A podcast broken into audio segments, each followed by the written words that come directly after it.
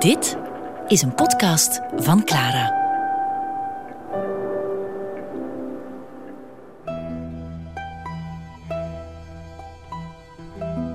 Venetia met Serge Simonaar.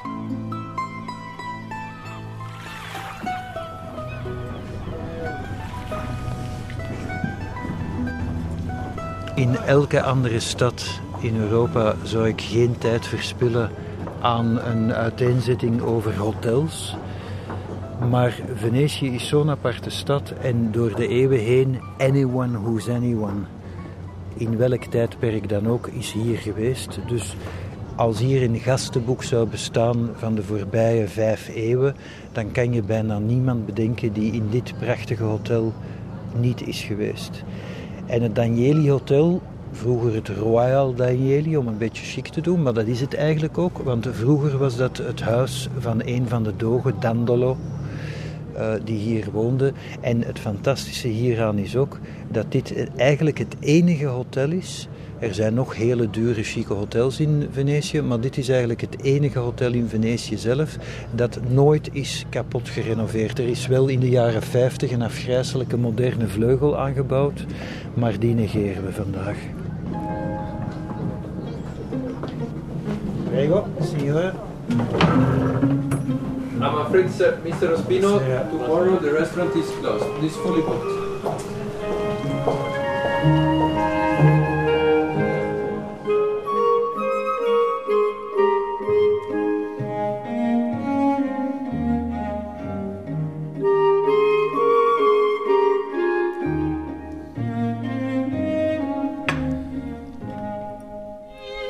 We zitten nu in de hal en wat toen de ontvangstkamer was van het Palazzo Dandolo. Prachtige hal, ik schat 600 vierkante meter, een stuk of 20 gigantische marmeren pilaren. Um, een gigantische open haard waar je met denk ik tien mensen recht kan instaan en dan heb je nog plaats over. Met het wapen van de familie Dandolo boven de haard. En het hotel Danieli is eigenlijk, zoals ik al zei, iedereen is hier geweest.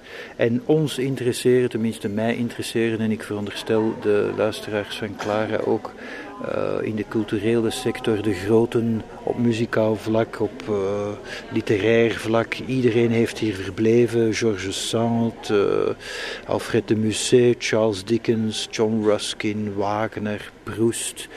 Ik kan echt heel lang doorgaan. Maar wat mij ook interesseert aan dit hotel, en dat zou je nooit denken, de eerste opera in Venetië werd opgevoerd in 1630, waar wij nu zitten, in deze ruimte. Proserpina Rapita van Monteverdi. En er zijn echt tal van links met, met de muziek te leggen. Tchaikovsky verbleef hier. Hij, verbleef, hij kon niet moeilijk kiezen. Tchaikovsky was een grote fan van het uh, maar ook van een hotel hier letterlijk op een steenworp vandaan. Ik denk 30 passen en je bent er. Het Londra Palace, ook een van de weinige hotels uh, die nog zoals de Engelsen zo mooi zeggen, in their own juice zijn, onveranderd gebleven. En Tchaikovsky schreef hier in 1877 zijn vierde symfonie, volledig. En ik vind het zo mooi als je dan nu, hier speelt meestal een pianist. Ik denk dat hij straks zal beginnen. En die speelt zowel klassiek als tango, als uh, crooner versies, nog vrij smaakvol. Ik kan je verzekeren, er is erger in Venetië dan dat. Maar ik associeer dit echt met klassieke muziek. En als ik echt mijn best doe, dan stel ik mij zo voor, die eerste opera van Monteverdi, het is 1630. De mensen, vergeet dat niet, wisten ook niet wat ze moesten verwachten. Wij vinden het nu vanzelfsprekend, opera, beeld, geluid, decors, noem maar op. Ik, ik geniet nergens zo van een simpel glas wijn als op een plek waar zulke dingen zich hebben afgespeeld.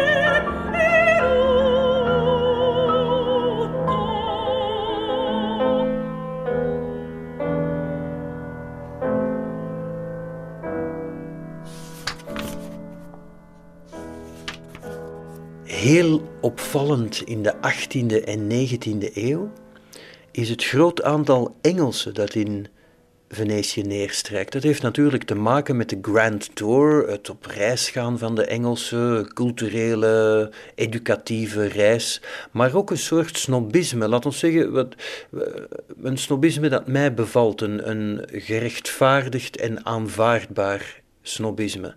Namelijk dat het in die tijd, vanaf, laten we zeggen, begin 1700, 1720 of zo, tot uh, begin van de 20e eeuw, was het bij de gegoede boergerij en vooral de adel, was Venetië ook een soort publiek geheim. Het was iets van hen. Het was niet het plebs dat naar Venetië trok. Het waren de ingewijden die Venetië zagen als een soort um, hun geheim, hun Venetië. Een, een soort snoepje dat ze zichzelf gunden en een stad die naar hun gevoel beantwoordde aan hun eigen hoge normen. En alles belichaamde wat zij belangrijk vonden. Niet alleen uh, pracht en praal en cultuur en iets uh, apart, namelijk op water gebouwd, maar ook um, een soort nobelheid. De, de Venetiaanse dogen, de Venetiaanse adel, dat sprak allemaal enorm tot hun verbeelding. En dat waren mensen waarvan de Engelse adel bereid was om die te zien als een soort gelijke. Vergeet niet, de Engelsen waren in die tijd nog meer dan nu, maar nog altijd super chauvinistisch. Dus er moest al heel wat gebeuren voor ze bereid waren om uh, adel van het vasteland Europa uh, te aanvaarden als gelijken. En de Venetiaanse doge en zijn familie, dat kon nog net.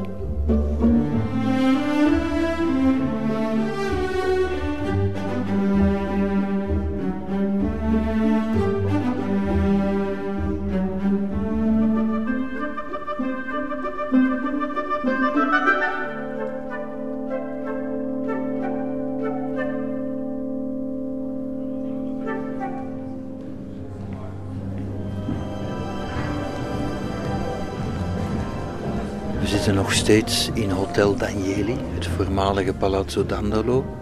En ik zou mezelf geweld aandoen mocht ik niks zeggen over de fantastische meneer Charles Dickens, die ook een aantal keer in Venetië is geweest. Ik zal beginnen met het meest typerende. Charles Dickens was de beste, rijkste en meest beroemde en meest gevierde schrijver van zijn tijdperk, wereldwijd eigenlijk een beetje de Shakespeare van zijn tijd. En toch begint hij een brief aan zijn beste vriend met: Ik vind geen woorden om Venetië te beschrijven. Dat zegt alles. Als Charles Dickens woorden tekort komt, wat moet ik dan doen? Nu, Dickens is een aantal keer in Venetië geweest, zowel als jonge vrijgezel als met zijn vrouw later, als alleen nog later.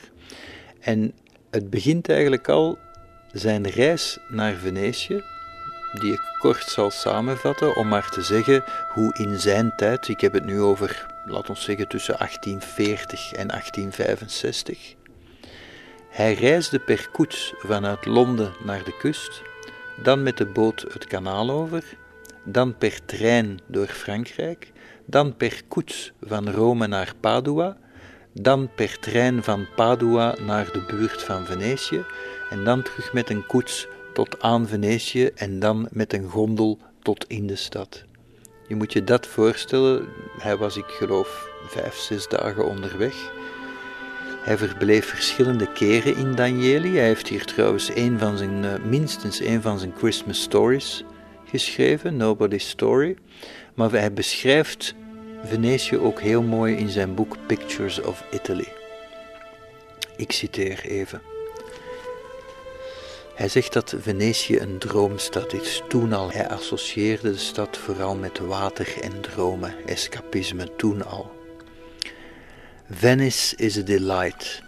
Coming down some marble staircase where the water lapped and oozed against the lower steps, I passed into my boat and went on in my dream. The wildest visions of the Arabian Nights pale to the Piazza San Marco. The wonderful reality of Venice is beyond the fancy of the wildest dreamer. Opium couldn't build such a place, and enchantment couldn't shadow it forth in a vision. Hij zegt: opium zou zulk een plaats niet kunnen verzinnen. Fantastisch geformuleerd. I never before saw the thing that I should be afraid to describe, but to tell what Venice is, I feel to be an impossibility. Charles Dickens, 12 november 1844. Waar wij nu zitten. Hij heeft ook het water heel mooi beschreven. Dickens zegt: How noiseless and watchful the water is. It's coiled round and round, folded over like an old serpent. It looks down like it's waiting for the time when people hope to find some remaining stones when Venice finally sinks. Dus hij, hij beschrijft het water als een soort slang die om zich heen wentelt. Een oude slang. En naar zijn gevoel is het alsof de stad wacht tot de mensen beseffen dat ze nog een kiezel of een fragment van de stenen van Venetië moeten buitmaken voor het te laat is en voor de stad zinkt.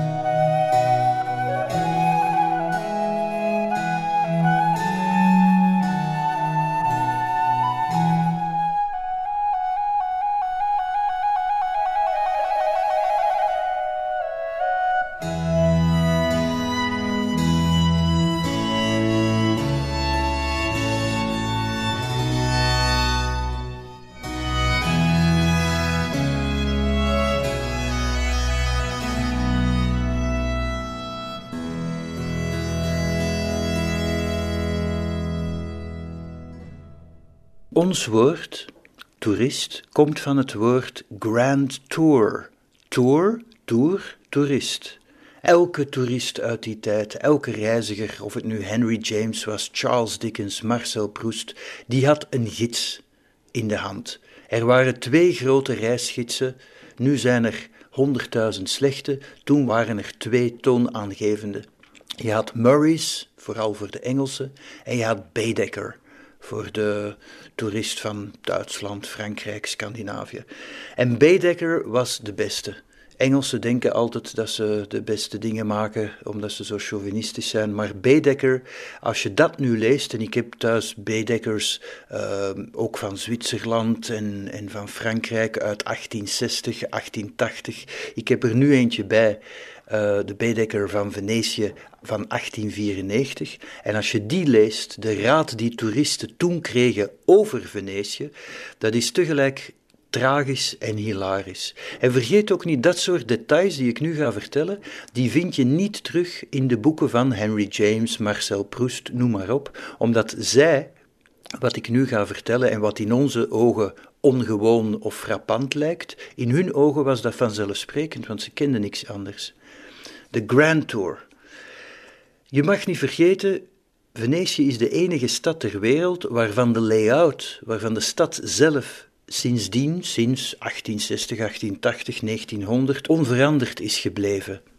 Tenminste, zo lijkt het. Maar als je met de Baedeker van toen, en dat doe ik elke keer als ik in Venetië kom, ik vind dat echt een genot om met een reisgids niet van 2016, maar van 1894 door Venetië te stappen en te kijken wat er veranderd is, dan merk je dat er veel is veranderd. Om te beginnen zijn er een aantal prachtige hotels van toen, het Hotel de l'Europe, uh, Grand Hotel uh, tegenover de Santa Maria della Salute, het Grand Hotel Britannia aan het Canal Grande, die zijn nu verdwenen of opgeslokt of terug palazzo geworden. Want vergeet niet dat een aantal adellijke families hun palazzo openstelden, uithuurden of verbouwden tot hotel uit geldnood. Nog iets dat veranderd is, dat heb ik uit mijn Baedeker van 1909. Toen waren er nog openbare baden in Venetië, zoals het Stabilimento Idroterapico op het Campo San Gallo. En je had zelfs toen twee zwembaden, die waren afgebakend in het Canal Grande. Stel je dat voor, dat een deel van het Canal Grande is afgemaakt voor zwemmers. Dat is nu ondenkbaar.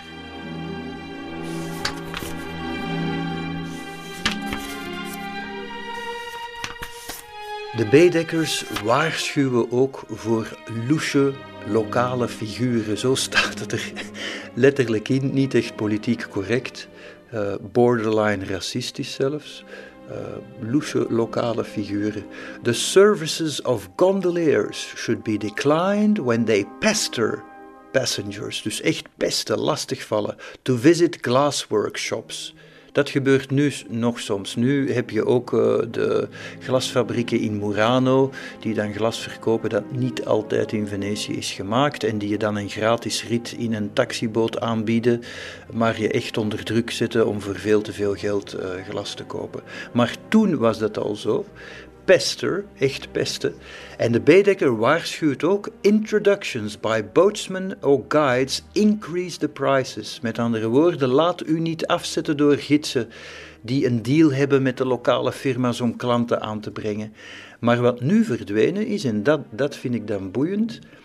Wat nu verdwenen is, is een apart beroep of beroepje of bijverdienste, namelijk wat toen werd genoemd in de Baedeker en Murray's, dit komt uit Murray's, de valet de place of de lackey de place. Dat was een soort gids, um, maar ook een soort beschermer, een soort lijfwacht, die de welgestelde buitenlandse reizigers door Venetië gidste, fysiek beschermde, um, ook instond als tolk, hem ook introduceerde bij winkels en ook voor hem onderhandelde.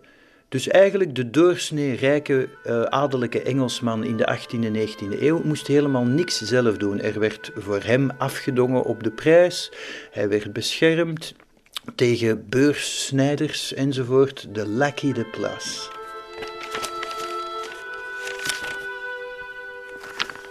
Het is ook, je merkt, je merkt ook uit die Baedeckers en Murray's hoeveel tijd mensen toen hadden. Dat is heel kleine druk. En dat zijn 600 pagina's. Nu, wat ook typisch is, dat, dat zou nu niet meer gebeuren. Uh, nu leven we in een tijd waarin de marketing en de commercie alles beheerst en waar reisgidsen en zeker um, journalisten van reisbladen nooit meer iets negatiefs zeggen over een stad die ze bezoeken, want de journalist mag er gratis op kosten van de toeristische dienst naartoe. Dus is een beetje uh, parti pris, laat ons zeggen, een beetje subjectief in positieve zin.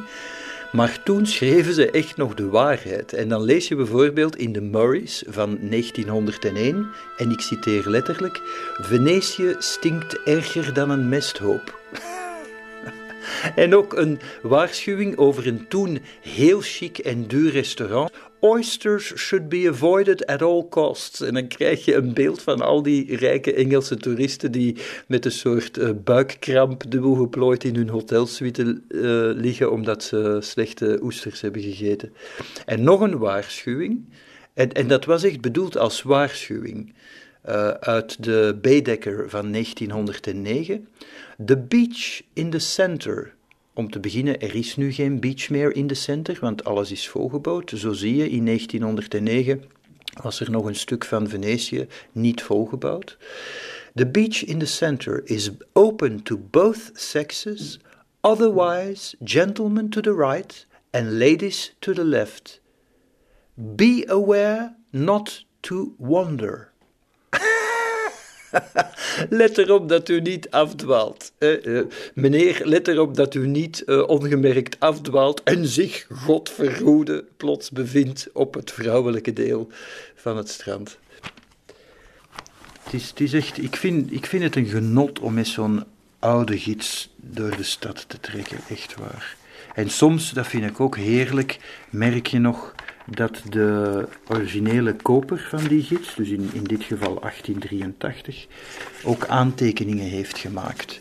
Uh, ik, had, ik had ook één, één gids, maar die heb ik nu niet bij hier in Venetië, maar ik heb thuis een Murray's. een Murray's waar een, een, Engelsman, duidelijk een kritische Engelsman, uh, over het Danieli dan nog, wat echt een prachtig hotel is, en zeker in die tijd, uh, toch schrijft in ink naast het Danieli Never Again.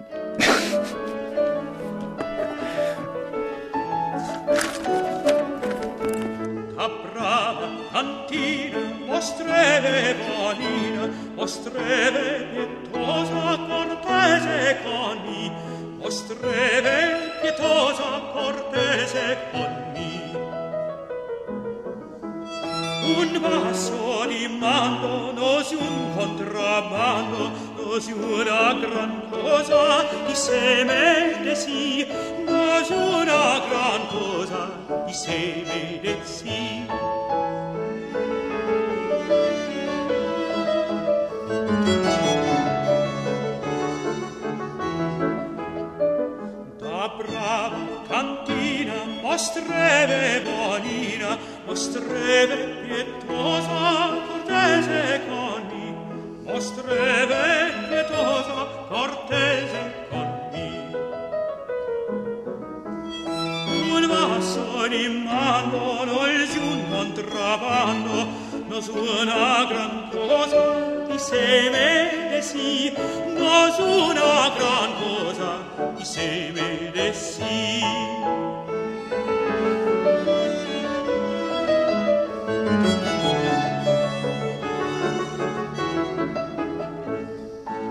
Venetia met Serge Simonaar.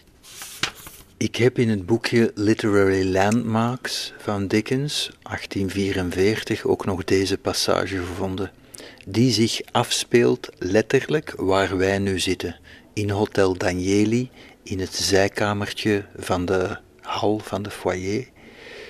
Want hij beschrijft de pilaren, de marmeren pilaren, vanuit dit oogpunt. Dus letterlijk waar wij nu zitten. Here I sit, 1844. Here I sit in the sober solitude of a famous inn, Hotel Danieli, with the great bell of St. Mark ringing twelve at my elbow. Nu krijg ik echt rillingen, want het is bijna middernacht. Toevallig of niet. Um, here I sit in the sober solitude of a famous inn, the Royal, nog Royal Hotel Danieli, with the great bell of St. Mark ringing twelve at my elbow, with three arched windows in my room, two stories high, looking down upon the Grand Canal and away, beyond to where the sun went down tonight in a blaze. Hij is nog eens op bezoek geweest in Hotel Danieli, 1853. Same sitting room, same house, close to the Bridge of Sighs and the Palace of the Doges. Room at corner of house, narrow street of water running round the side. En inderdaad, er is een heel smal kanaaltje naast dat, achter dat raam. Als je het raam opent, ik ga het even doen, wacht. Om de beleving compleet te maken.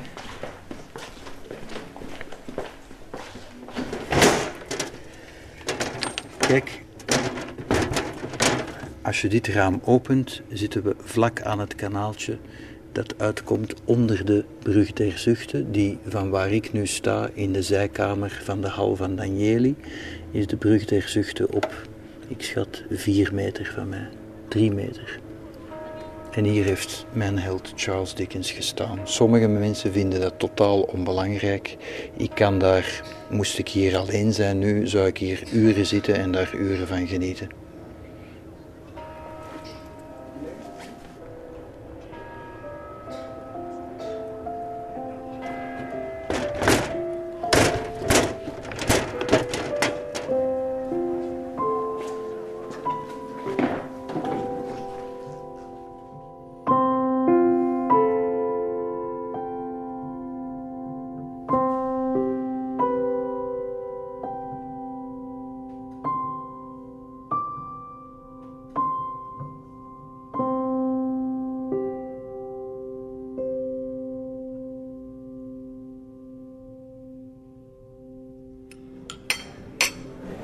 Het een beetje uh, te makkelijk en te voor de hand liggend en dat stoort mij ook soms wel. Je leest in verhalen over, verlees je in geschiedenisboeken, in reisgidsen altijd dezelfde vijf, zes namen.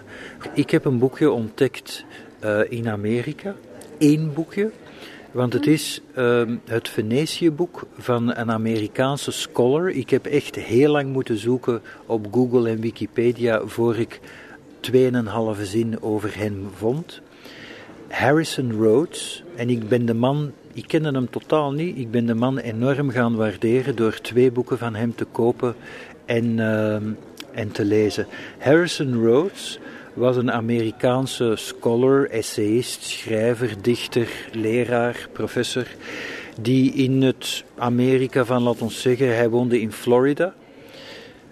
Hij leefde van, ik geloof, 1860 tot 1922. Hij is vrij jong gestorven. Hij was een fanaat van Venetië, wat, wat niet vanzelfsprekend was in die tijd, 1860, 1920. Hij is hier 30 keer geweest en hij heeft twee boekjes geschreven. Eén boek, een ode aan zijn moeder. Het was ook een weer, en dat vind ik toch altijd frappant. Um, en ik zeg het ook niet graag, maar heel veel mensen die ik waardeer, ik ben zelf denk ik een tamelijk evenwichtige, redelijke, verdraagzame, normale heteroseksueel. Maar heel veel van die mensen die een band hebben met Venetië en hele mooie dingen hebben geschreven, waren excentrieke, uh, pedofiele, homofiele, uh, halve avonturiers, misdadigers, oplichters, noem maar op. Er was altijd wel iets mee dat afweek van de norm. En Harrison Rhodes, uh, ik weet niet of dat de luisteraars van Clara dat ooit hebben gezien, maar is een Amerikaanse uh, boekjes- en tv-reeks en film over die Adams Family. Een hele excentrieke Amerikaanse fictieve familie. En de butler daarvan heet Lurch. Die speelt dan altijd zo lugubere stukjes op het klavesymbol. En Harrison Rhodes, ik heb één foto van hem gezien was een dubbelganger van Lurch, een soort Frankenstein-achtige figuur. Uh, echt een, een doodskop eigenlijk, maar een hele boeiende man. En wat mij daaraan ontroert, hij heeft dus twee boeken geschreven. Eén ode aan zijn moeder. Hij was ongetrouwd. Hij is 62 geworden, ongetrouwd, wat, wat al heel merkwaardig is voor een Amerikaan. Uh, om niet te trouwen. En om bovendien heel lang bij zijn welgestelde moeder te blijven wonen. En dan ook nog één boek te schrijven dat een ode is aan zijn moeder. En het enige andere boek dat hij heeft geschreven is een boek over Venetië, waarin zijn belevenissen staan van zijn dertig reizen in Venetië tussen 1860 en 1922. En om maar te zeggen hoe goed hij was, ook heel zeldzaam voor die tijd. Hij sprak vloeiend Italiaans. Voor een Amerikaan was dat uitzonderlijk. En om maar te zeggen, hoe, wat mij ontroert en wat ik zo aandoenlijk vind, het boekje over Venetië is door zijn zus, die ook ongetrouwd is gebleven. What are the odds, zouden de Amerikanen zeggen? Wat is de kansberekening dat twee allebei aantrekkelijke, want ik heb ook brieven gelezen van vrienden van hen die zeiden van ja, maar Margaret Rhodes heeft talrijke aanzoeken gekregen, maar is nooit getrouwd. Dat wil ik er ook nog bij vertellen. Vroeger in uh, Amerika en Engeland, bij de obituaries, de, de overlijdensberichten, als een overlijdensbericht eindigde met de melding he never married, hij trouwde nooit, was dat heel vaak een eufemisme voor hij was homoseksueel. Dat is algemeen bekend in Engeland en Amerika, laat ons zeggen tot 1970 werd dat regelmatig gebruikt. He never married.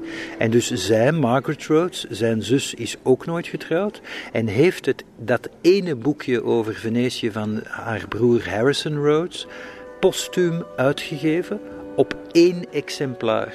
En dat ene exemplaar heb ik gekocht en gelezen. En ik vind het een heel mooi, ontroerend boekje. Een van mijn plannen is ooit, als ik wat meer tijd en geld heb, om dat opnieuw uit te geven. Op een grotere oplage. Want ik vind het te mooi omdat het niet gelezen wordt door mensen.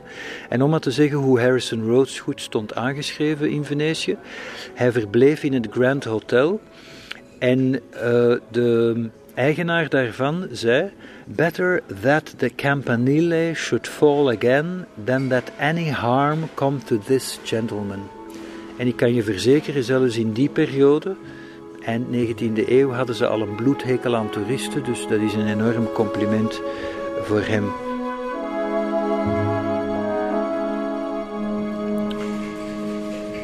Nu, niet alleen hou ik van dat boekje van Harrison Rhodes, omdat ik het. Ik voel mij bijna de voogd van de nalatenschap van Harrison Rhodes. Je moet je ook voorstellen, ik ben daar heel gevoelig aan en, op romantisch vlak. Die man is jong gestorven, die had een emotionele band met Venetië, die schrijft één boekje, hij sterft voor het kan uitgegeven worden. Zijn zus geeft het postuum uit, zijn zus is ondertussen ook gestorven en het ene exemplaar wordt geveild en ik koop dat. Dus ik, ik voel mij nu verantwoordelijk voor de nalatenschap van een Amerikaan uh, van het eind van de 19e eeuw, die ik nooit heb gekend, maar wiens herinnering ik in handen heb. Ik heb macht. Als ik dat boekje weggooi, heeft hij nooit geleefd.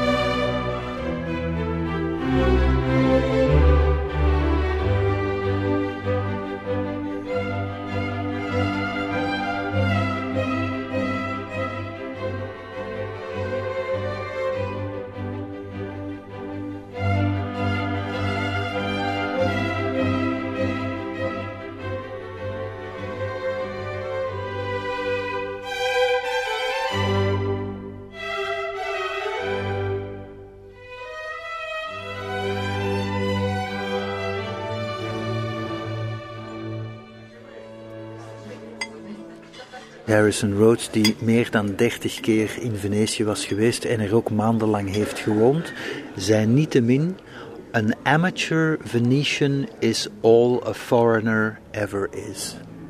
Dus verder dan amateur Venetiaan worden zal een buitenlander het nooit brengen. En dat klopt als een bus. Ook boeiend is dat Harrison Rhodes bijvoorbeeld meldt dat zwemmen in de kanalen al in 1920 werd verboden, officieel. Dat is ook een detail dat je nergens anders vindt, maar dat soms op hete dagen de Venetianen het toch deden, zwemmen in kanalen. Ik denk dat dat al 100 jaar niet meer gebeurt en dat ook de Venetianen naar beneden doken vanaf de Rialtobrug. En die is toch 22 meter hoog.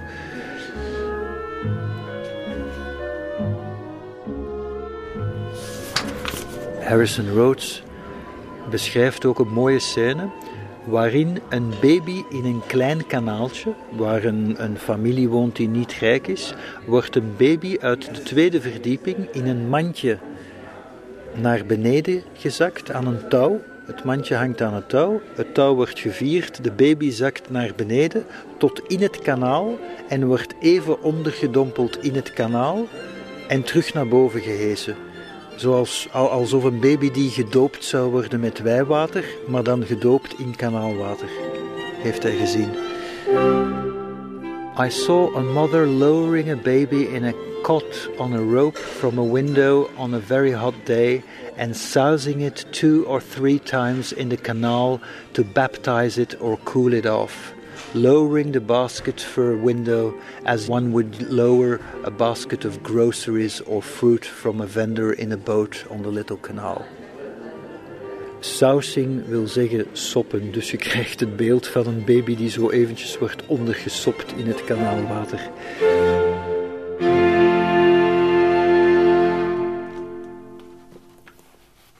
Nog één mooie scène uit dat boekje van Harrison Rhodes. Hij beschrijft hoe in Campo Santo Margarita een oude man zat. Die voor, je moet het echt voor je zien, ik vind dit echt heel mooi. Een oude man die voor een centje brieven schreef voor analfabeten. Bijna iedereen in Venetië, behalve de grote intellectuelen, waren analfabeet. Die oude man zit in de Campo Santa Margarita en schrijft brieven voor analfabeten. En Harrison Rhodes beschrijft hoe die man schrijft voor een vrouw mio caro marito, mijn liefste echtgenoot, die blijkbaar naar een andere stad was.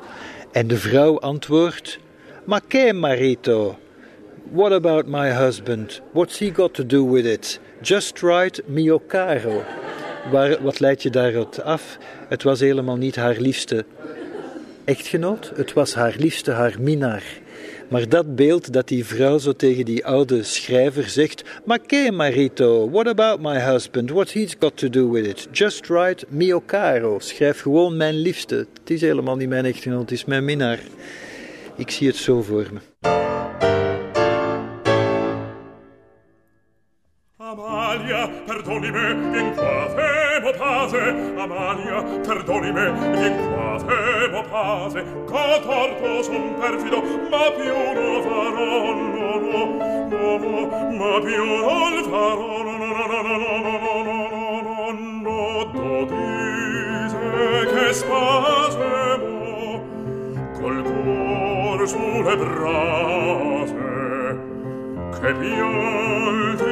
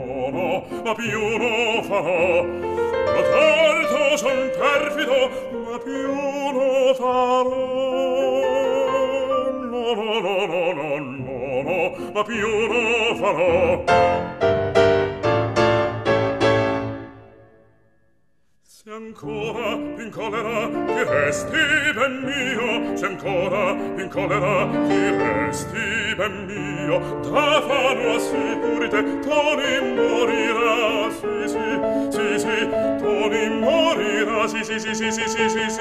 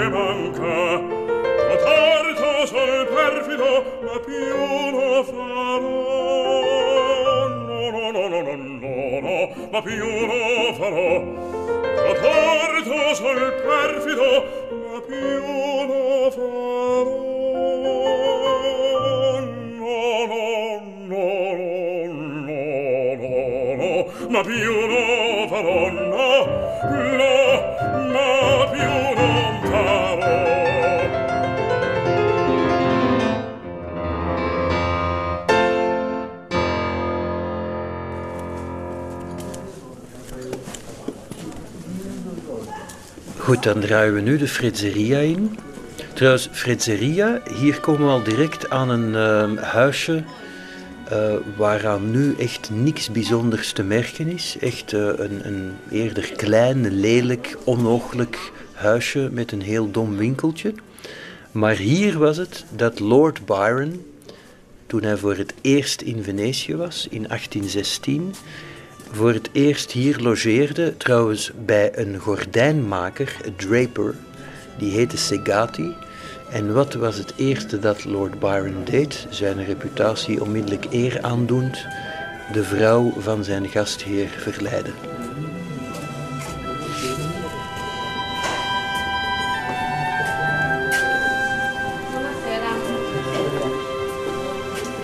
Er zijn verschillende redenen waarom je het over Lord Byron kan en moet hebben. De Right Honorable Noel Byron trouwens. Want Noel, vergeet niet, Noel of Noël, kerstmis, zijn schoonmoeder eiste dat hij zich ook Noel noemde. En anders uh, kon hij de helft, haar helft van het uh, estate niet erven. Dus Byron, altijd een beetje opportunistisch en pragmatisch, uh, liet meteen zijn naam aanpassen. Dus hij heet eigenlijk de Right Honorable Lord Noel Byron. Met een royal warrant heeft hij zijn naam laten aanpassen en uh, prompt de helft van het estate geërfd. Overigens, Noel Byron, dezelfde initialen NB als zijn idool Napoleon Bonaparte. Maar we dwalen af.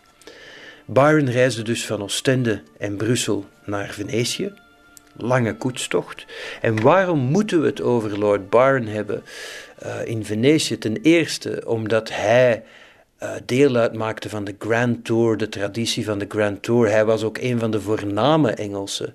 Hij was ook al beroemd toen hij in Venetië kwam. Dus hij, hij was daar de ster. Hij durfde bijvoorbeeld, en het zijn de, alweer de kleine details die zoveel vertellen. Hij maakte heel vaak avond- en nachtwandelingen in Venetië, maar hij ging bijna nooit naar San Marco. Waarom niet? Omdat hij, en hij heeft dat één keer uh, toegegeven aan een van zijn vrienden in een brief aan Moore, geloof ik. Um, hij zegt: uh, Ik ga nooit naar San Marco, want ten eerste zien ze dan mijn voet uh, Byron had een clubvoet, een soort misvorming van polio aan zijn voet. Dus hij mankte een beetje en zijn been zag er een beetje raar uit. Dus hij wou nooit naar San Marco, omdat de mensen dan zijn voet zouden zien overdag. En ten tweede zegt hij, mijn legende, want Byron was toen al heel beroemd in heel Europa, omwille van zijn gedichten die toen insvloegen als een bom. Dat is ook een grote tragiek van dichters in deze tijd. Je kan je niet meer voorstellen hoe een dichtbundel zoals A Child Herald insloeg in Europa. Iedereen las dat, iedereen kocht dat. Uh, aan alle hoven, in, in alle salons werd daarover gesproken. Er is geen enkele dichter, de meest beroemde dichter van onze tijd, internationaal gezien, heeft maar een fractie van de erkenning die Lord Byron toen kreeg. En dus Byron was al beroemd in Venetië, werd daar behandeld als een ster en zei ook een andere reden, behalve mijn clubfoot, dat ik nooit naar San Marco ga, is dat ik nooit kan beantwoorden, I can't live up um, to my myth. Ik kan nooit beantwoorden aan mijn mythe. Ze verwachten een of andere god. En Byron was ook vrij klein. En dan nog die man kapot. Um, en plus dat hij er niet altijd even uh, geweldig uitzag. Want Byron was ook iemand die, uh, en alweer zijn die kleine details zijn zo aandoenlijk. Iemand die zijn hele leven lang, zijn korte leven, heeft geworsteld met zijn gewicht. Uh, Byron was een yo-yo dieetman, wat ook een beetje um, tragisch en aandoenlijk en potsierlijk is voor zo'n held van zijn tijd, dat hij constant worstelde tegen uh, dik worden en log worden. Uh, wat ook weer, als je het je voorstelt, als wij nu bijvoorbeeld films zien over Lord Byron, dan zien we altijd zo'n een of andere knappe jonge acteur, maar dat is niet de realiteit. De, realiteit was dat Lord Byron rijk was, beroemd was. Um, ook wel charisma had, maar het was een kleine, mollige man met een mankepoot. En waarom alweer in Venetië? Hij was hier de ster. Hij heeft ook veel over Venetië geschreven, maar een paar gedichten, Ode to Venice onder andere, maar heel veel brieven vanuit Venetië. En Byron was ook iemand die zichzelf mythologiseerde en ook uh, nogal navelstaarderig, egocentrisch was en alles wat hij deed vond hij belangrijk genoeg om in geuren en kleuren te beschrijven aan zijn vrienden en aan zijn uitgever Murray. Dus er zijn heel veel brieven van Byron over zijn verblijf in Venetië die ons ook een beeld geven van het Venetië van die tijd.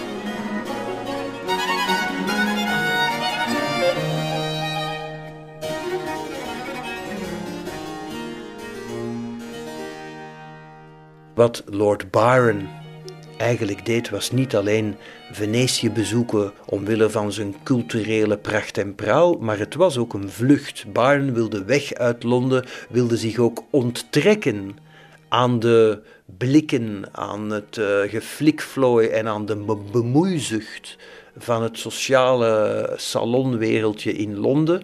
Uh, die hem veel te veel op de vingers keken, die ook uh, uh, commentaar hadden over zijn vermeende incestueuze verhouding met zijn zus, over zijn mislukte huwelijk, over het feit dat hij zijn kind verwaarloosde enzovoort. Hij wou ervan weg. Hij zegt ook heel duidelijk in een aantal brieven geschreven vanuit Venetië dat hij het heerlijk vindt dat hij weinig Engelsen ziet en dat de Engelsen die hij ziet, dat hij die zo snel mogelijk ontvlucht.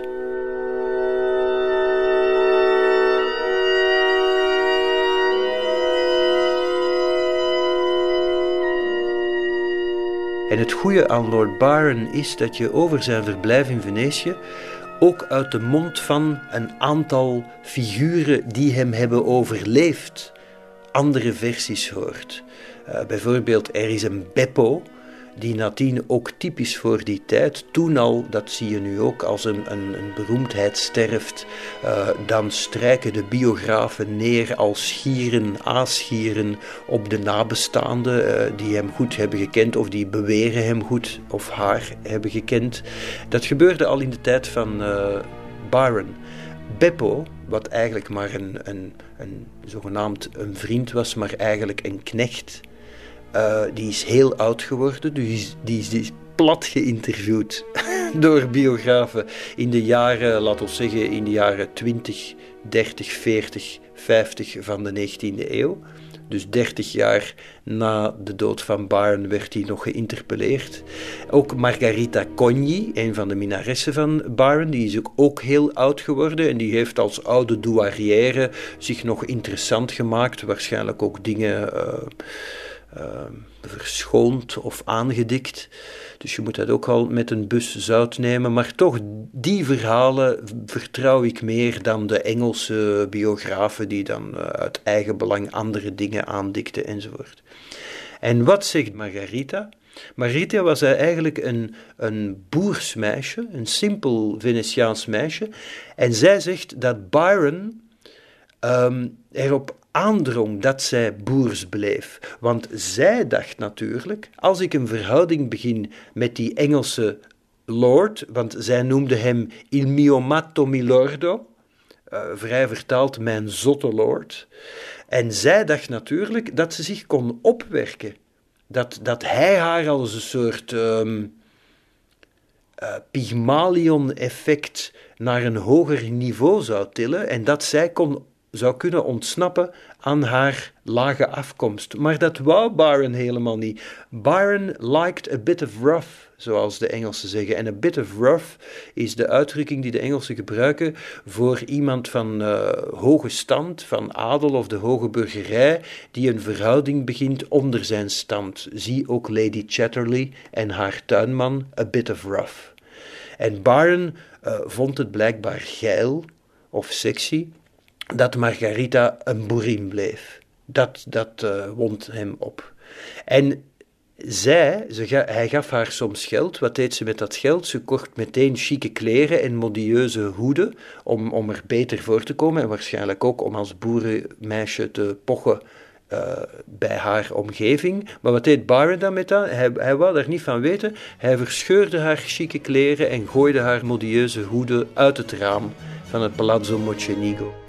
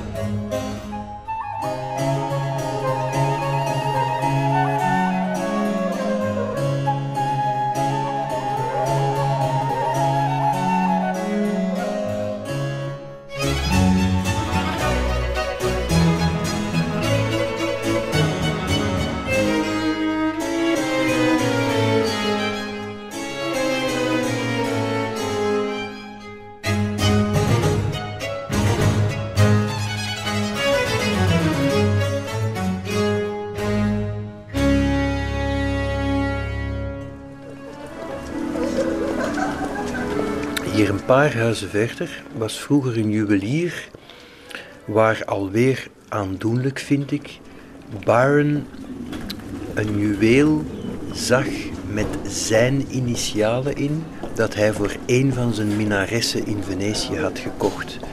Dus je moet je dat voorstellen. Byron koopt een aantal juwelen voor zijn minaressen. Hij liet trouwens ook eh, acht snuifdozen maken die hij dan later meenam uh, als cadeautjes voor de sultan en zijn gevolg in Constantinopel. Die heeft hij ook hier laten maken. Maar dus die vrouw, die minares, had blijkbaar achter zijn rug dat juweel verkocht. Ze had hem wijsgemaakt dat ze het niet durfde te dragen als haar echtgenoot erbij was. Uh, volgens Byron uh, had elke vrouw in Venetië een minnaar, dus het was helemaal niet erg overspel of bedrog. En ze had het dus stiekem verkocht. De opbrengst daarvan, daar kon ze waarschijnlijk haar familie vijf jaar lang mee voeden. En wat wel mooi is, is dat Byron vermeldt in een brief aan zijn vriend Moore dat hij dat juweel opnieuw heeft gekocht bij de juwelier en het haar nogmaals cadeau heeft gedaan, maar dan nu als afscheidsgeschenk. Dat vind ik echt klasse. Byron is ook de man van de eufemisme. Um, hij zegt bijvoorbeeld in een van zijn eerste brieven uit Venetië: Venice always had a charm to me, and I have not been disappointed in what I have seen. Maar als je dan weet dat de rest van die brief van 34 bladzijden alleen maar over vrouwen gaat. dan is duidelijk uh, wat hij bedoelt als hij zegt: uh, Ik ben niet teleurgesteld. En het zijn er echt een, een hele lijst. Ook Shelley trouwens in zijn brieven. Shelley bezoekt hem uh, in het Palazzo Mocenigo in 1818 en in april 19. En Shelley beschrijft ook een hele lijst. Een, uh, his mistress Mariana Segati with black oriental eyes. Dan nog de vrouw van de draper in de Fredzeria die ik net vernoemde. Dan ook nog die uh, La Cogna, La Fornarina, de bakkersvrouw. Uh, La Fornarina. Um, een, een, een woord voor oven, dus het hete oventje, zijn bijnaam voor die vrouw. Die heeft hem trouwens ooit van de verdrinkingsdood gered. Er is één befaamd verhaal waarbij een wedstrijd uh, zwom Byron heel de lengte van het kanaal, maar hij heeft dat ettelijke keer gedaan, het kanaal gezwommen. Nu overigens alweer, dat is minder heroïs dan het lijkt, want natuurlijk heb je in de lagoene eb en vloed, en als natuurlijk het water inkomt bij de vloed, dan kan je stroom mee, stroomafwaarts, je bijna laten drijven door het water. Dus dan hoef je bijna niet te zwemmen. Dus zo'n enorme heldendaad is het niet om te zwemmen met de stroom mee. Er is trouwens, wacht, ik heb hier het boek van, waar is hij? Um, wacht, even. Ja. Kijk, um, een boek uit 1867. Uh, eh, vergeet niet, 1863, sorry. Um, geschreven door William Dean Howell. En vergeet niet, in 1863 leefden er nog mensen die Byron gekend hadden in Venetië. En ook interessant is dat al, alhoewel Byron op handen werd gedragen in heel Europa, hij was heel beroemd, waren er ook tegenstanders en sceptici. En Howell, die in zijn boek Venetian Life, zoals ik zei, 1863, is echt een scepticus en doet zeer laatdunkend zowel over Byron als over zijn verblijf in Venetië. The Palazzo Mocenigo in which Byron lived is galvanized into ghastly newness. Ghastly, ghastly is echt uh, afgrijzelijk, lelijk.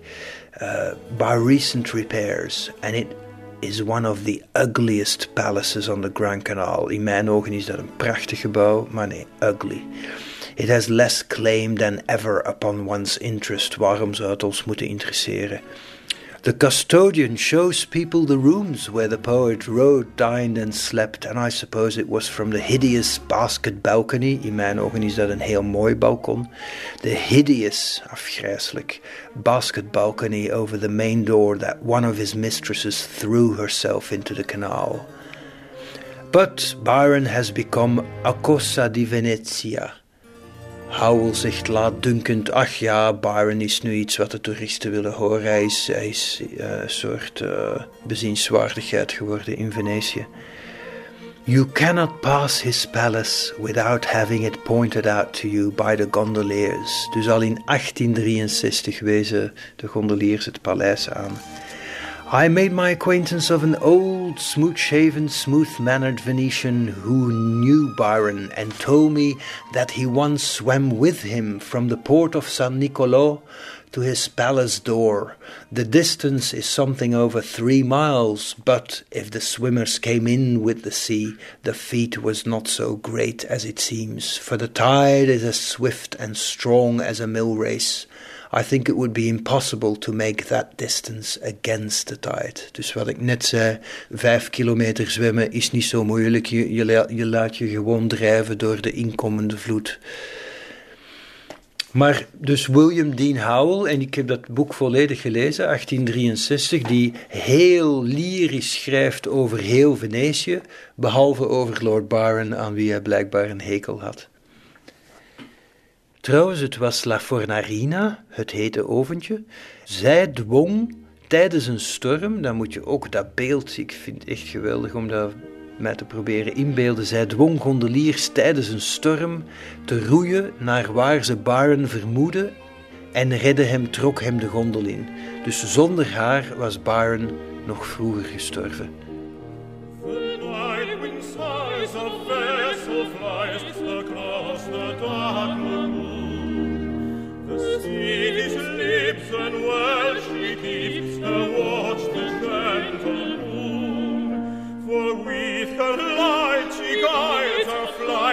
Across the silver sea.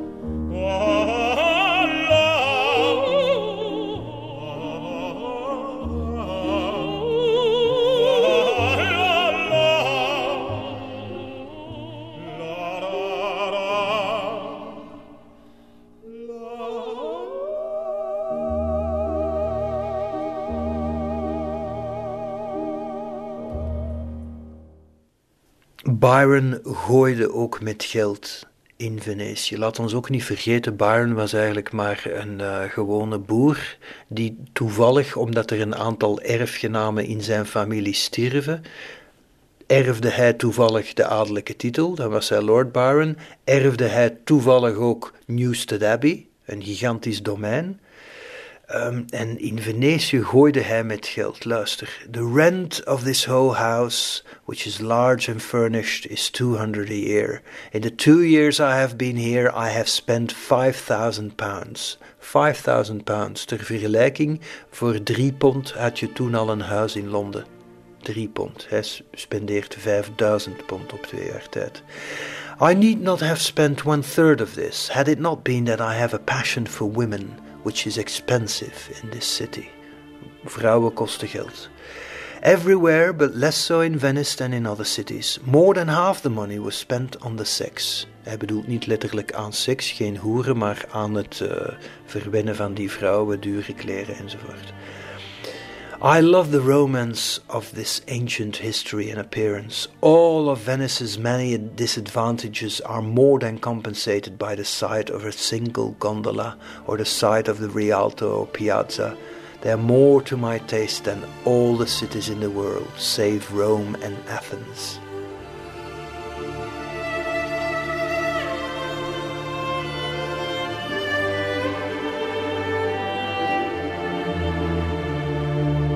Ik ga nu, en dat is ook iets wat, wat de geschiedenisboeken niet vermelden over Byron, dat hij eigenlijk een dief was en een vandaal. Ten bewijze lees ik nu even voor um, uit de brieven van, van mensen die hem vergezelden. Uh, Byron is in de bibliotheek. Hij ziet daar een lok van het haar van Lucretia Borgia. Nu, voor ons lijkt dat al um, ongeloofwaardig dat er nog een lok, een haarlok van Lucretia Borgia, van de legendarische Borgia's, gifmengers enzovoort, moordenaars, we kennen de geschiedenis, zeker de luisteraars van Clara. Maar vergeet niet, we hebben het nu over 1800, dus toen was dat eigenlijk nog vrij dichtbij. De Borgia's, die ons nu iets lijken uit de middeleeuwen letterlijk en figuren, de vroege renaissance, Um, dat lijkt ons een andere planeet, maar in 1800 was dat nog relatief recente geschiedenis. Dus Byron ziet in de bibliotheek een haarlok van Lucretia Borgia. En wat schrijft hij zelf? Mooi bewaard, frustrerend dat ik haar niet heb gekend. En wat zegt hij dan? Ik heb één haar meegenomen, dus gestolen, als reliquie. En wat zegt hij? Als mensen hem de al dan niet authentieke, al dan niet echte granieten sarcofaag tonen van Juliette, zie Romeo en Juliette van Shakespeare, de, de tombe van Juliette in Verona, dan zegt Byron: I brought away four small pieces for you, schrijft hij aan Augusta Lee in 1816. Dus, hoe moeten we dat lezen? Hij steelt een haar van Lucretia Borgia, en hij vandaliseert eigenlijk de tombe van Juliette en hij breekt daar vier brokjes graniet af. En wat zegt hij dan?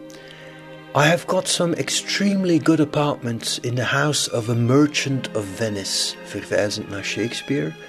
The merchant, luckily, is a good deal occupied with business and has a wife in her 22nd year.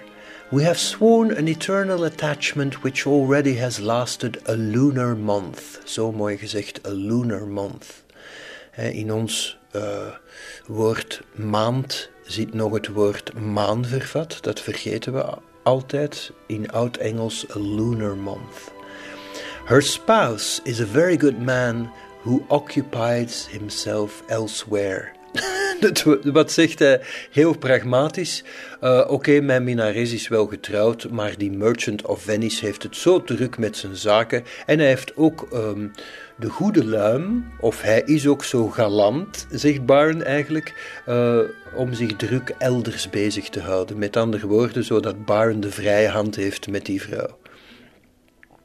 Mariana is in appearance rather like an antelope. She has the large black oriental eyes which have the expression that is rarely seen among Europeans, even the Italians, and which the Turkish women give themselves by tinging the eyelid.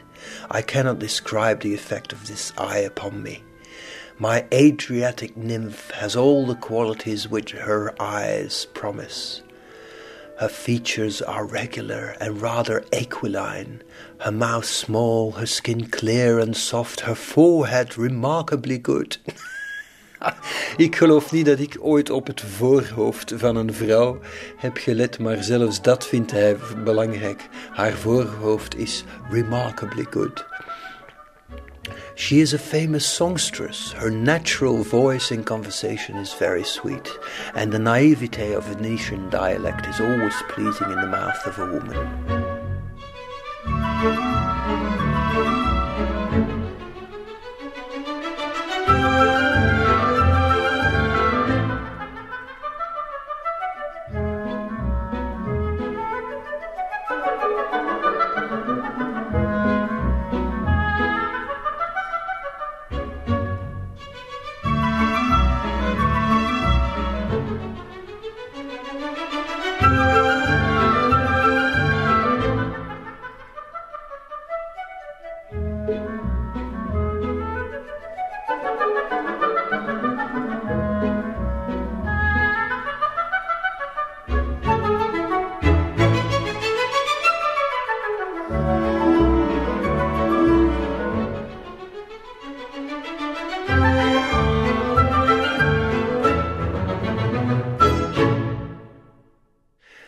Heb het geteld, dat is ook een beetje een neurose natuurlijk, maar ik heb de moeite gedaan om eens te tellen met hoeveel vrouwen Byron een uh, verhouding heeft gehad in Venetië. Dat waren er 37. En dan is het zeer grappig om in een brief uh, van hem deze zin te lezen. I am at the moment somewhat promiscuous. Somewhat, een, een vleugje, een beetje.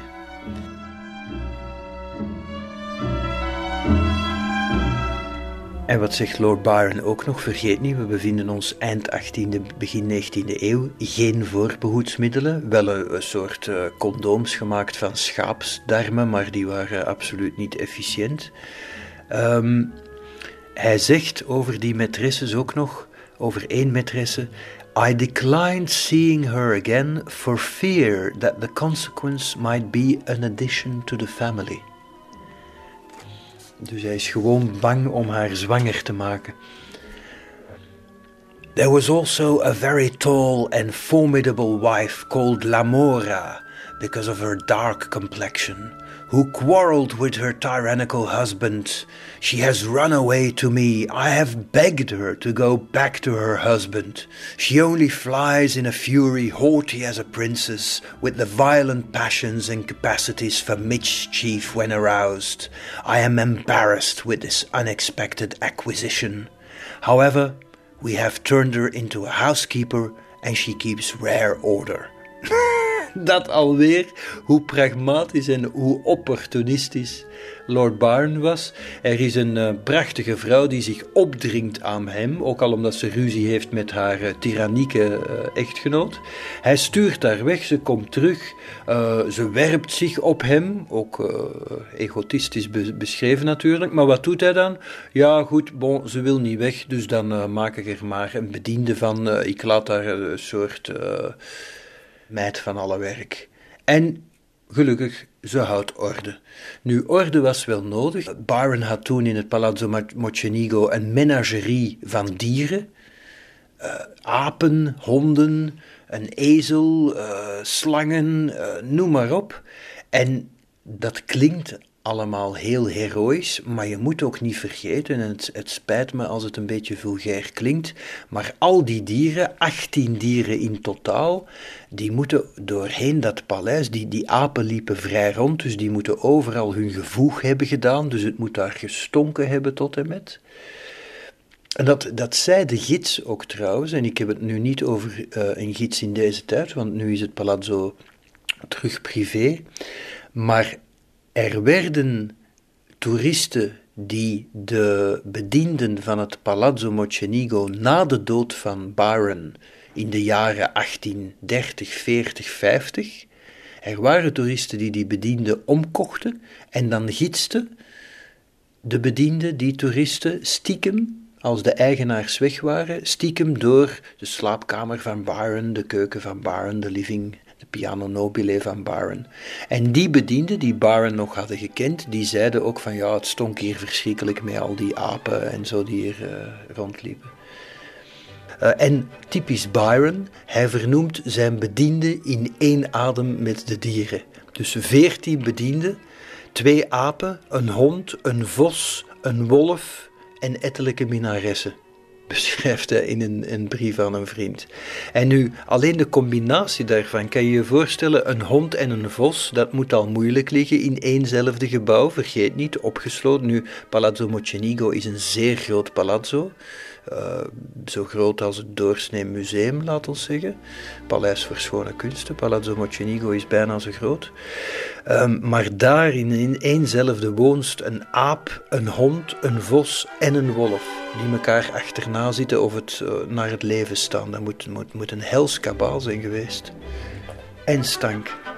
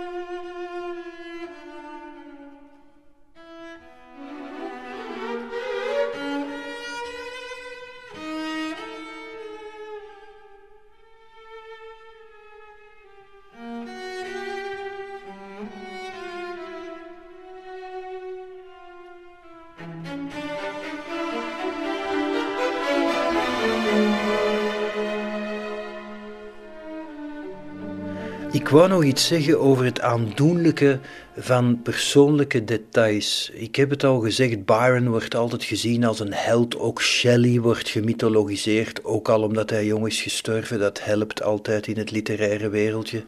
Als je wil dat je uh, naam uh, blijft leven na je dood. Shelley ging op bezoek bij Byron, niet alleen in de Villa Deodato, maar ook in Venetië, in het uh, Palazzo Mocenigo. Um, Shelley met zijn muze en vrouw Mary Godwin en haar zus Jane en een Claire, bij wie Byron in uh, Venetië een kind verwekte. En dat is zo'n teer, pijnlijk onderwerp. Wij vergeten altijd dat dat soort uh, mythische figuren mensen van vlees en bloed waren en ook onderhevig waren aan de valkuilen van die tijd, bijvoorbeeld kindersterfte. Het jongste kind van Shelley, Clara, stierf in Venetië. En een paar weken later in Rome ook het oudste kind, William. Dat is, dat is echt een verschrikking. Het, jongste kind van uh, Shelley ligt trouwens begraven uh, op het Lido. Dat moet verschrikkelijk zijn geweest voor Mary Godwin, de moeder, en Shelley. En het contrasteert ook fel met de houding van Byron tegenover zijn kinderen. Hij heeft er een paar gehad, een paar zijn jong gestorven. Hij heeft ongetwijfeld nog meer kinderen gehad, bastaarden. Um, in sommige gevallen wist hij het waarschijnlijk niet eens. Maar hij verwijst ook in zijn brieven naar zijn kind als it, het. Niet het kind, gewoon het, alsof het een object is. Of als het uh, een langer woord kiest, dan is het bastard, my bastard. Um, en daar merk je zo het, het hotijnen van de Lord toch in. Zo van, uh, ja, het is een kind verwekt bij een vrouw uh, die niet van stand is, dus wat, wat heeft het in godsnaam belang?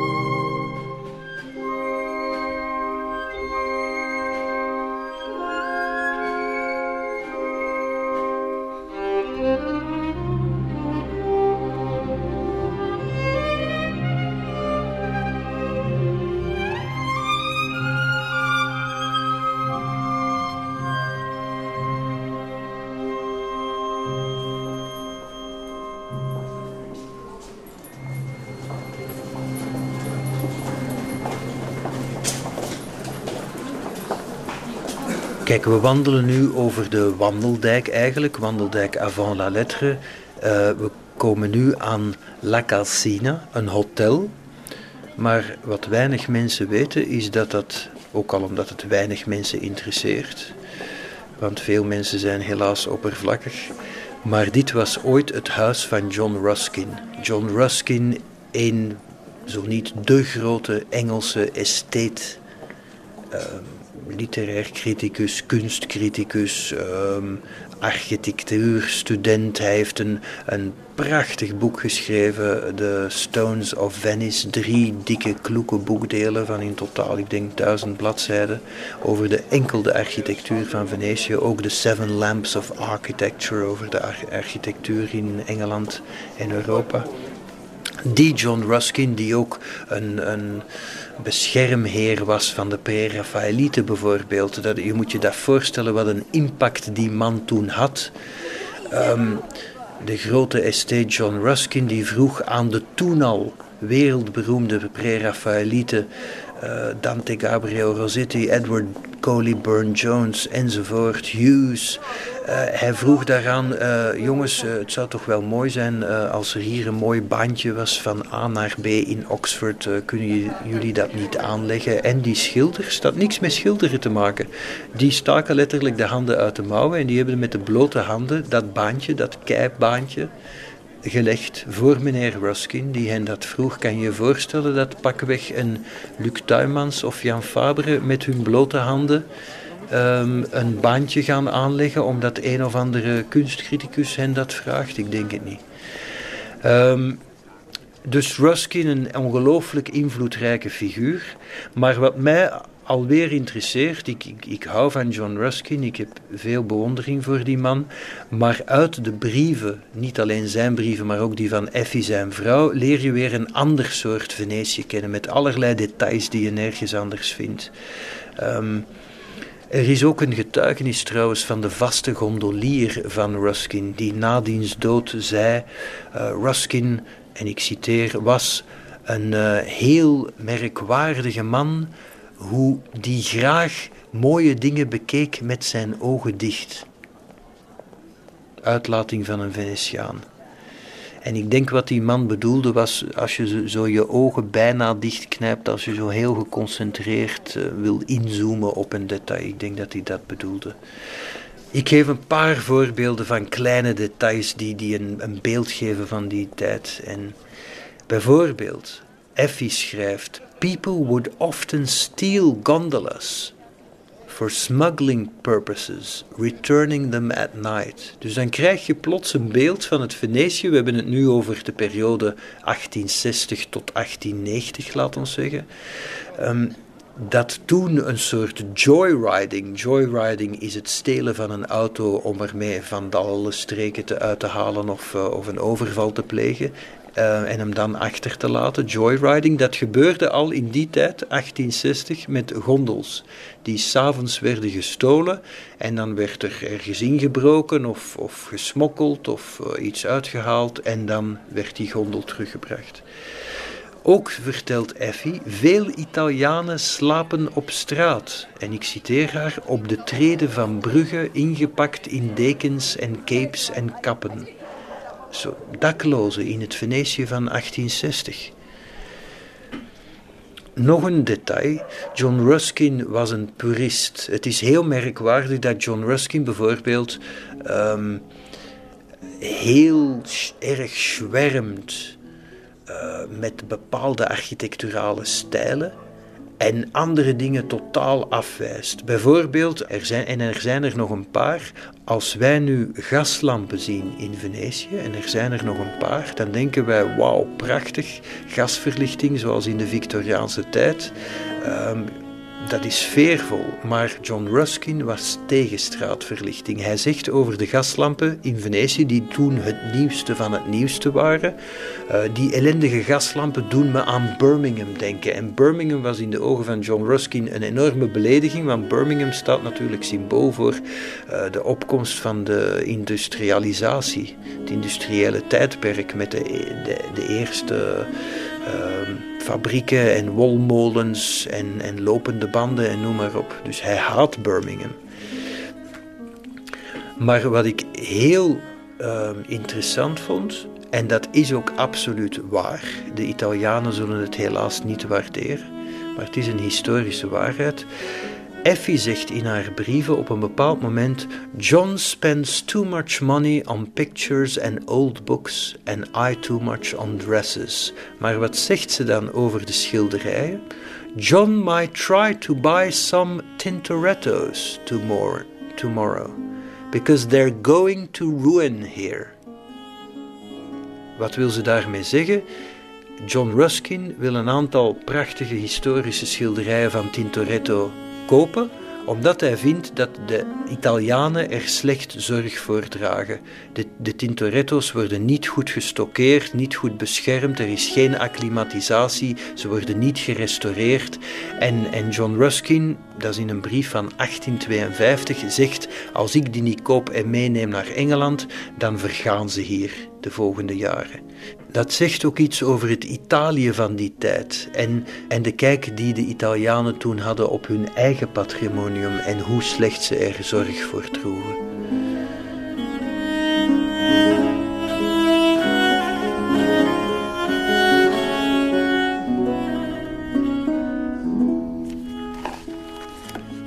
Kijk, ik heb hier de. Ik heb hier de. De drie kloeke delen van The Stones of Venice. Um, gesigneerd door Ruskin trouwens. Signed in my own hand. Zo mooi uitgedrukt. En het fantastische van deze boeken is. John Ruskin is vier, vijf keer voor langere periodes naar Venetië geweest. Hij was dus een estate, hij was ook een uitstekend tekenaar. Um, hij kon heel mooie aquarellen maken. Hij schreef uitstekend.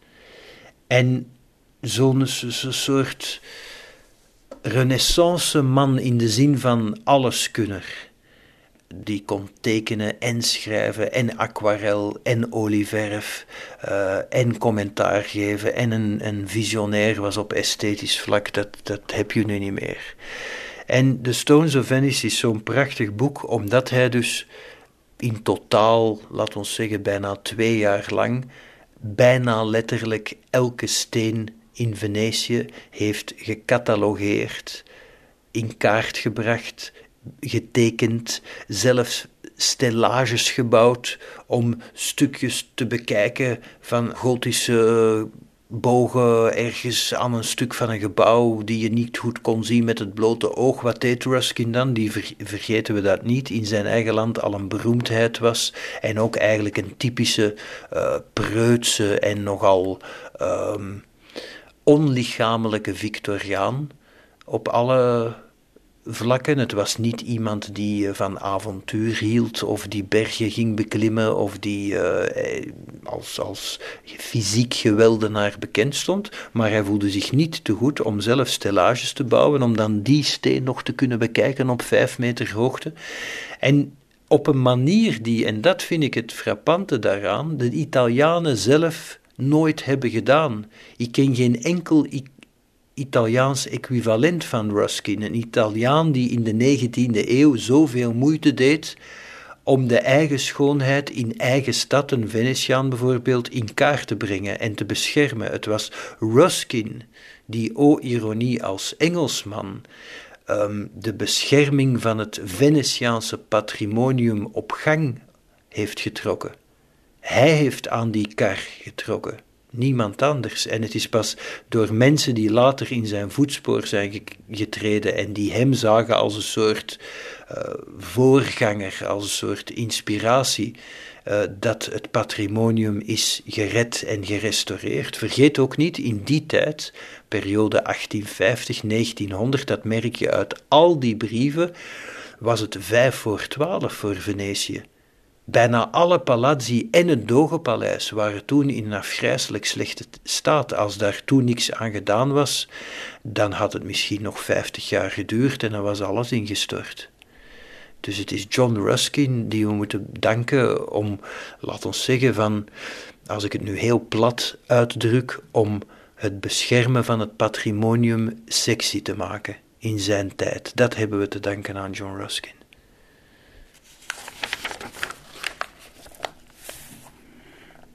Kijk, je, ziet ook die, al die gotische bogen, al die versieringen. Het is zo mooi getekend, zo subtiel getekend, echt minutieus, pointillisme bijna. Het moet een, een enorm werk zijn geweest. En dan begrijp je ook dat zijn huwelijk heeft gefaald. Want er is die befaamde scène, die wordt altijd herhaald in boeken over John Ruskin, dat hij zogenaamd zou geschrokken zijn op de huwelijksnacht eh, van het feit dat zijn vrouw Effie schaamhaar had, want dat was hij niet gewoon, want hij was al die Griekse en Romeinse beelden gewoon, uh, waar de, de vulva in de schaamstreek gewoon is, is weggewerkt, een soort niemandsland. Uh, en dat een echte vrouw dan echt schaamhaar had, daar, daar schrok hij van. En dat huwelijk is nooit geconsumeerd.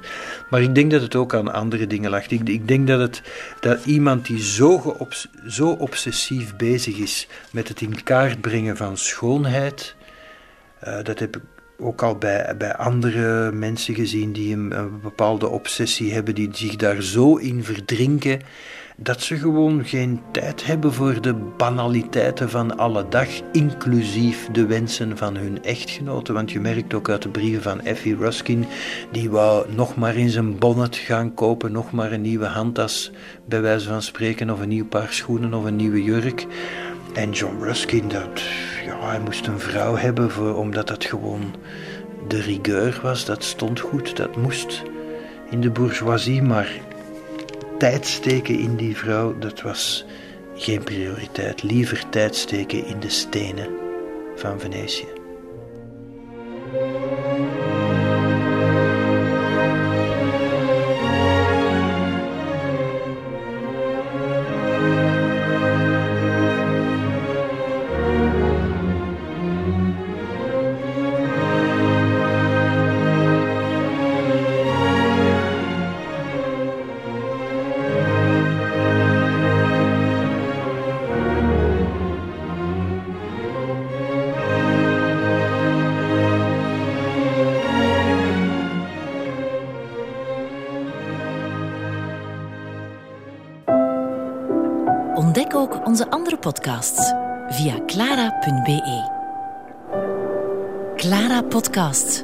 Blijf verwonderd.